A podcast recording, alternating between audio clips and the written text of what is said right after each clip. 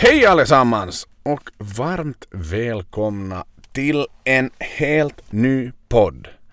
En podd som kommer att handla exklusivt om världens i särklass absolut totalt världsbästa band Iron fucking Maiden. Vi heter alltså Joel och Axel Brink. Vi är bröder, ja.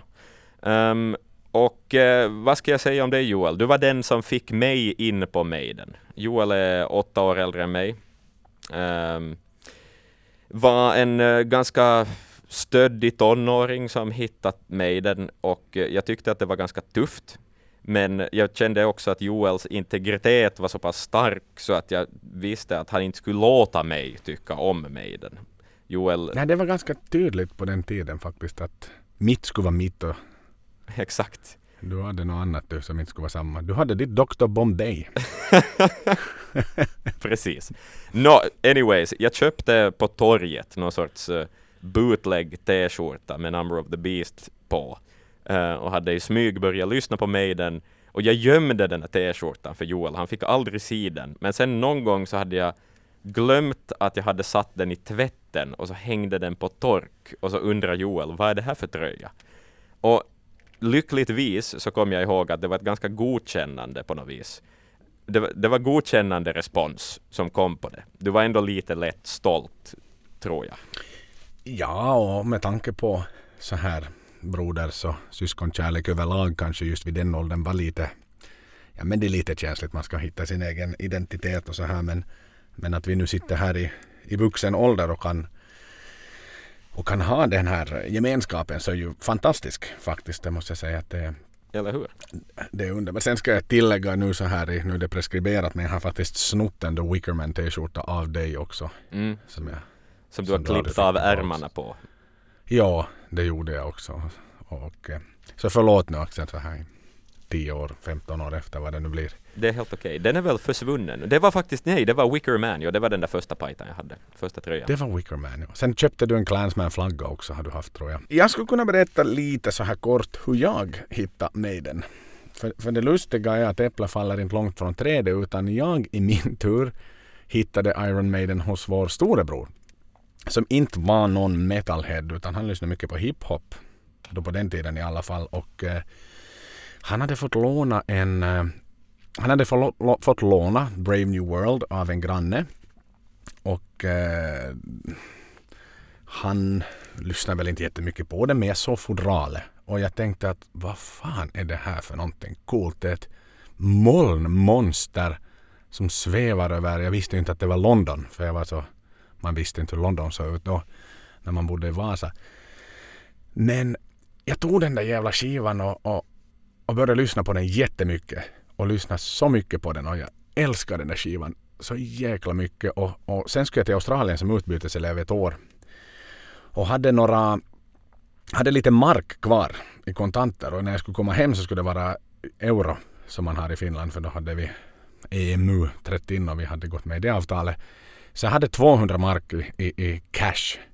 Och då köpte jag den här dubbelskivan uh, Best of the Beast en 2CD-variant på flygplatsen som jag satt i min, min gröna Sony Discman.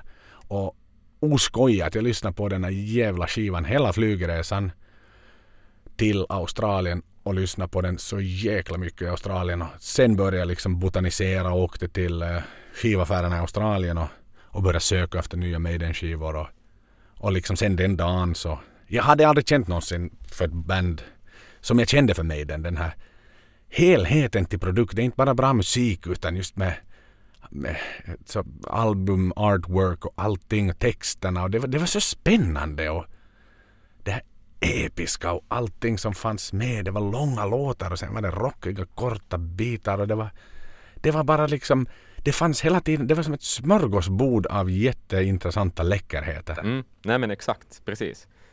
Och så är det än idag. Ja, jag håller med. Helt, helt och hållet. Det är fint. Nu har vi delat vår passion för det här bandet och var den startade. Och den har fört oss uh, till alla möjliga ställen.